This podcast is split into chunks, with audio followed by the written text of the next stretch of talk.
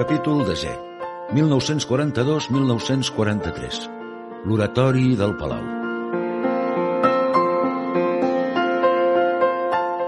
Sant Josep Maria celebra missa al Palau. Hem de recuperar, però, el fil de les estades a Barcelona, que havíem deixat a finals de l'any 1941. Sant Josep Maria hi va tornar els dies 22, 23 i 24 de juliol de 1942 va viatjar en avió des de Madrid i es va allotjar a casa de mossèn Sebastián Cirac, segons recull en José Luis Múzquiz en escriure una relació del viatge. Ell havia arribat a Barcelona en tren, i també van arribar en tren d'altres, en Juan Jiménez Vargas, en Salvador Canals i en Fernando Valenciano, que venien de Madrid, i en Francisco Botella, que va arribar de València. Sant Josep Maria va trucar al bisbe per presentar-li en Francisco Botella i el professor Juan Jiménez Vargas. Malauradament el bisbe estava malalt i per aquest motiu van cancel·lar la visita. Tanmateix, per telèfon, amb especial afecte, va parlar amb Sant Josep Maria i va donar la seva autorització perquè es pogués celebrar habitualment l'Eucaristia a l'oratori del Palau. El dijous 23 de juliol de 1942, Sant Josep Maria va inaugurar aquesta nova disposició celebrant la primera missa al Palau va fer servir un altar portàtil, que consistia en una petita llosa de marbre o pedra que havia estat consagrada pel bisbe, al damunt de la qual els sacerdots que tenien autorització podien celebrar la Santa Missa fins i tot fora d'una església. La missa va ser emocionant, escriu en José Luis Múzquiz. Crec que molts van plorar i a gairebé tots els van saltar les llàgrimes. Moments abans de la comunió van arribar els que estaven al campament de les milícies universitàries – Vam coincidir divuit membres de l'obra. Esmorzem i després el pare va donar el cercle. L'endemà, 24 de juliol de 1942, també va celebrar a casa.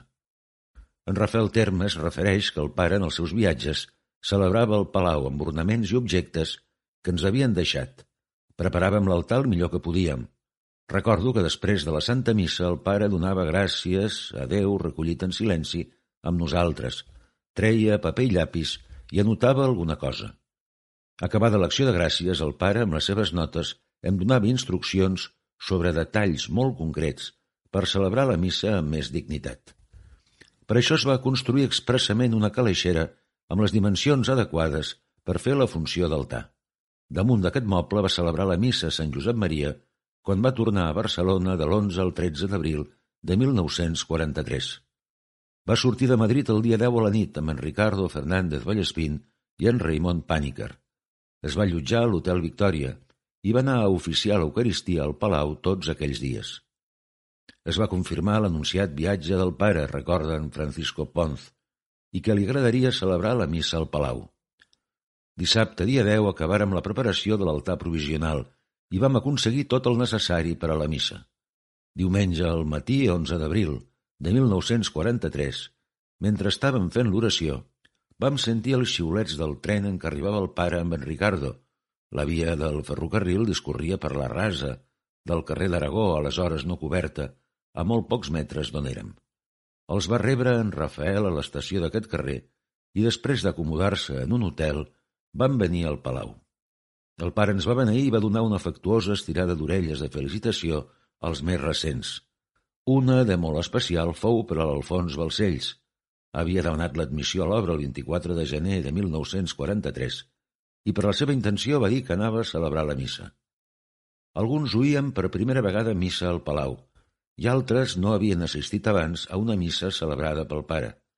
No és fàcil descriure l'emoció que ens envaïa tots davant aquell esdeveniment tan significatiu, sobretot per les contradiccions que el pare i els seus fills de Barcelona havien hagut de patir i seguien patint en aquesta ciutat.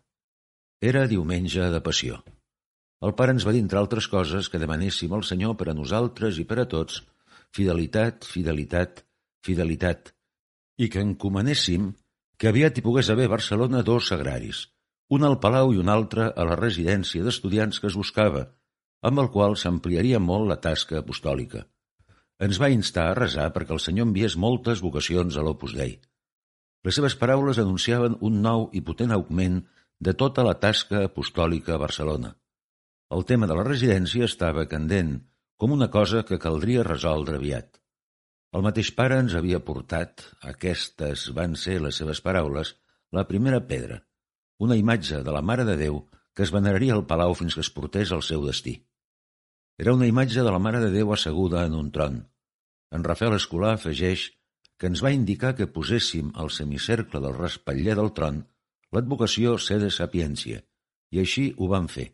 I finalment ens va dir que quan tinguéssim una residència d'estudiants, aquella imatge de la Mare de Déu estaria a la sala d'estudi. En acabar l'acció de gràcies de la missa, prossegueix en Francisco Ponz, passàrem a la sala d'estudi per esmorzar amb el pare. Ens va explicar moltes coses i ens va obrir amplis horitzons apostòlics a Catalunya, Espanya i el món. Després de resar l'Àngelus, va sortir amb en Rafael, en Ricardo i algun altre per veure possibles llocs per a la residència. Va passar després la tarda al Palau, en tertúlia amb tots o en converses personals. Vam tenir berenar de festa i al final en Joan Baptista Torelló, que estudiava aleshores medicina, ens va donar un excel·lent recital poètic i una admirable exhibició de jocs de mans, especialitats en les quals tenia un gran domini. Va ser tot un èxit. Dilluns, 12 d'abril, després de celebrar la missa una altra vegada al Palau, va visitar el nou bisbe de Barcelona, Monsenyor Gregori Modrego, i va tornar amb la important notícia que el bisbe li havia donat permís per tenir els dos sagraris previstos, un al Palau i l'altre a la residència. Era una data memorable per a la història de l'Opus Dei a Barcelona. A la tarda, alguns que havien anat a veure possibles sagraris van tornar espantats dels elevats preus en relació amb les nostres possibilitats. El pare va comentar que calia comprar de moment un sagrari senzill per al palau i que per a la residència n'enviaria un altre de més bona qualitat des de Madrid. Avançada la tarda, va anar a visitar el rector del seminari diocesà. Va tornar a celebrar missa al Palau l'endemà, dimarts 13 d'abril. Miramar. Des de Miramar es veu una bona vista del port de Barcelona. Van anar cap allà el 13 d'abril de 1943, segons que recorden Francisco Ponz. A la segona part del matí el pare va sortir amb en Ricardo i altres en un cotxe que ens van deixar per fer un tom per Montjuïc. Després de dinar a l'hotel van tornar a Madrid. Hi ha una fotografia d'aquest dia on es veu Sant Josep Maria amb en Rafael Termes i al fons l'estàtua de Colom. Preparant l'oratori. El Palau va tornar a la seva vida ordinària, continua relatant en Francisco Ponz, amb les seves activitats de formació espiritual i d'estudi. Ens havia deixat el pare dos encàrrecs molt concrets. Preparar amb urgència la instal·lació de l'oratori, el sagrari inclòs, i seguir amb les gestions per a la residència d'estudiants. Des d'aleshores, després de parlar-ho amb en Rafael, em vaig fer jo resident fix del Palau i vaig passar a dormir-hi durant els gairebé dos mesos més que vaig continuar a Barcelona. Els preparatius de l'oratori es van accelerar. L'altar és la mateixa calaixera que va fer construir Sant Josep Maria i en què hi havia dit missa en diverses ocasions. Davant es va posar un frontal de fusta, treballada senzillament. Instal·lat l'altar, col·locàrem ja un dosser sota el sostre per cobrir-lo, segons les indicacions litúrgiques de llavors, ja que hi havia veïns al pis superior. Es van disposar els canelobres, les tovalles, la creu de l'altar i altres objectes de culte, i es va col·locar un altre cop a la paret la creu de fusta que dos anys i mig abans s'havia retirat per substituir-la per una altra de minúscula. Va quedar ultimada la instal·lació elèctrica. El sagrari de fusta arribà el 3 de maig, aleshores festa de la invenció de la Santa Creu. La creu de fusta es va adornar aquest dia amb una garlanda de clavells vermells. Aquest mes es va intensificar l'estudi a la biblioteca davant la proximitat dels exàmens i va créixer l'assistència als cercles i altres activitats de formació. En Rafael Escolar va donar els últims tocs de pintura al frontal de l'altar. Però no arribava el document escrit de la cúria diocesana amb el permís d'oratori amb reserva del Santíssim Sagrament.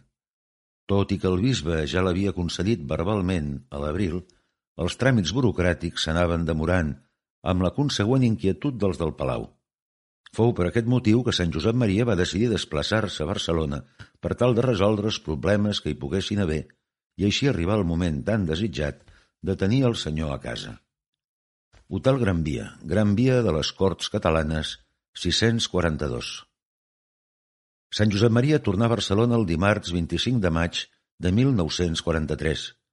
Viatjà amb avió des de Madrid, acompanyat per don Álvaro, que seguia el viatge cap a Roma, i en Pedro Castiaro.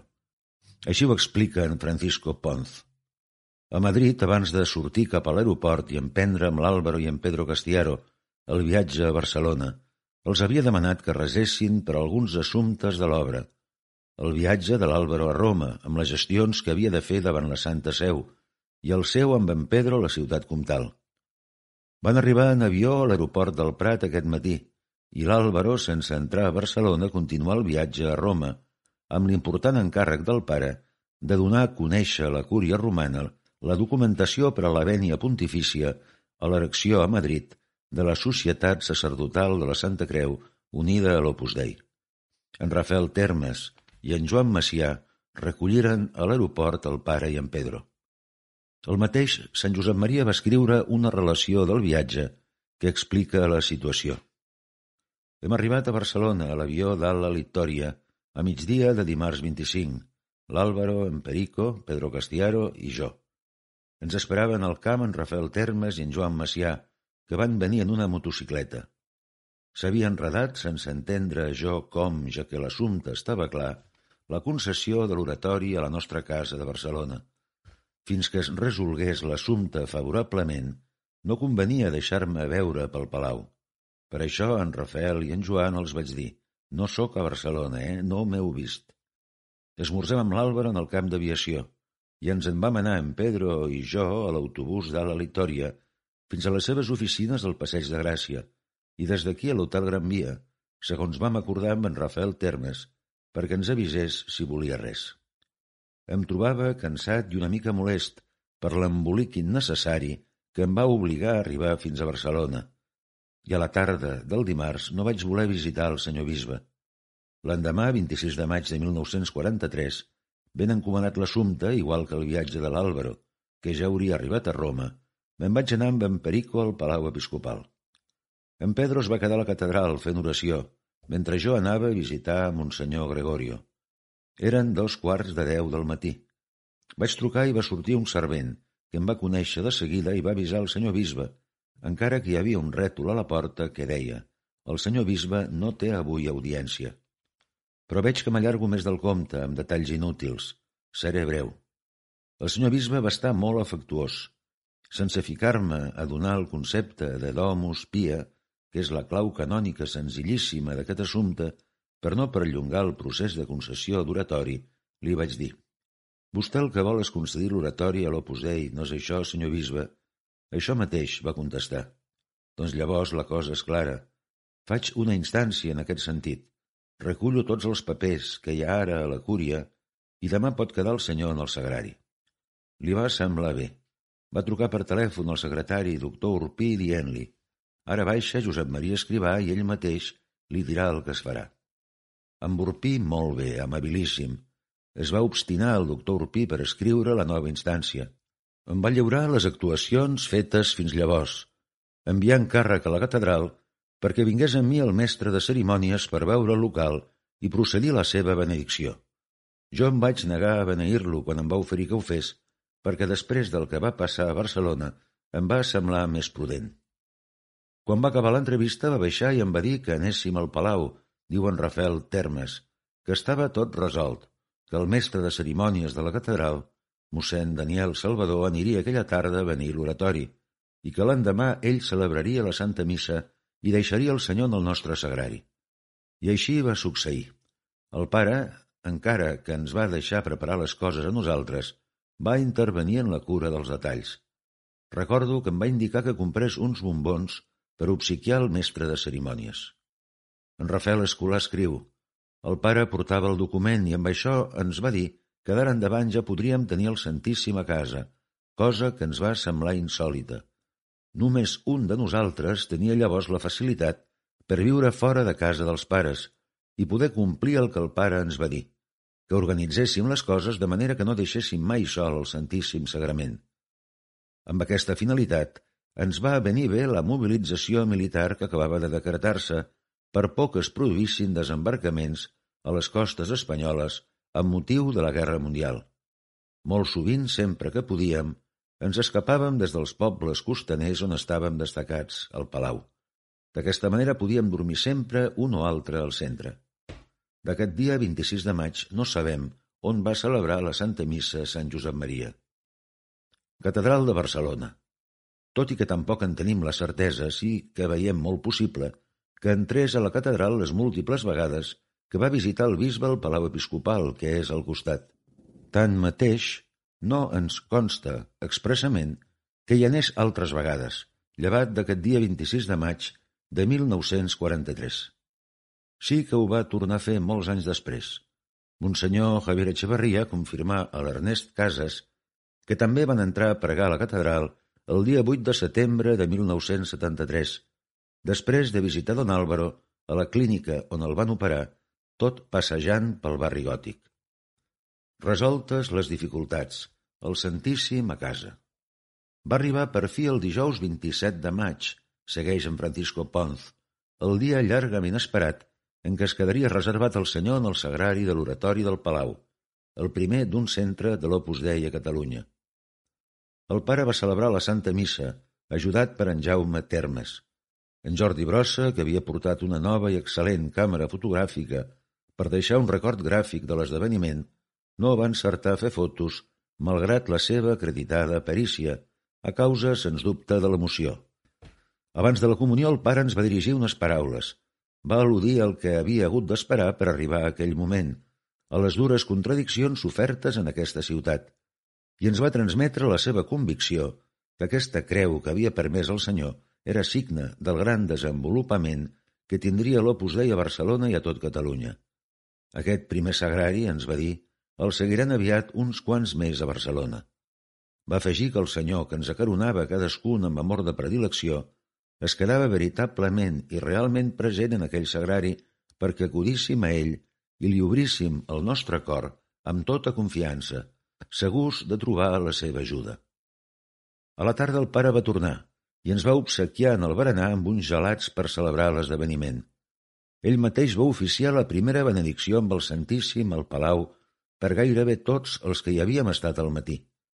En Jordi ja s'havia fet amb la tècnica de la nova càmera fotogràfica i va treure força fotos. Tot va haver de fer-se amb rapidesa, perquè l'abat Escarrer de Montserrat havia convidat el pare a tornar amb ell en cotxe cap a Madrid. El pare va acceptar per fer-li companyia i per les dificultats que hi havia per trobar plaça al tren. Actualment el presbiteri de l'oratori està com aleshores. El sagrari de fusta amb una petita creu pintada de purpurina va ser posteriorment enriquit per dins, substituint aquella creu per una altra de metall. S'hi ha col·locat aquesta inscripció explicativa. L'11 d'abril de 1943, el nostre estimadíssim fundador va celebrar la primera missa en aquest oratori i poc temps després, el 27 de maig, va deixar-hi reservat el Santíssim Sagrament, complint les esperances dels primers fidels de l'Opus Dei a Barcelona. En aquest oratori, el nostre estimadíssim pare renovà el sant sacrifici en diverses ocasions, quan venia a aquesta ciutat per formar els seus fills, sostenint-los en la fe i impulsant la seva tasca apostòlica. Ara donem gràcies a Déu, perquè ha fet realitat els somnis del nostre fundador i són molts a Barcelona els tabernacles, dels dels quals el Senyor encén amb el foc del seu amor els cors dels seus fills en l'Opus Dei i d'innombrables homes i dones que participen en els apostolats de la prelatura.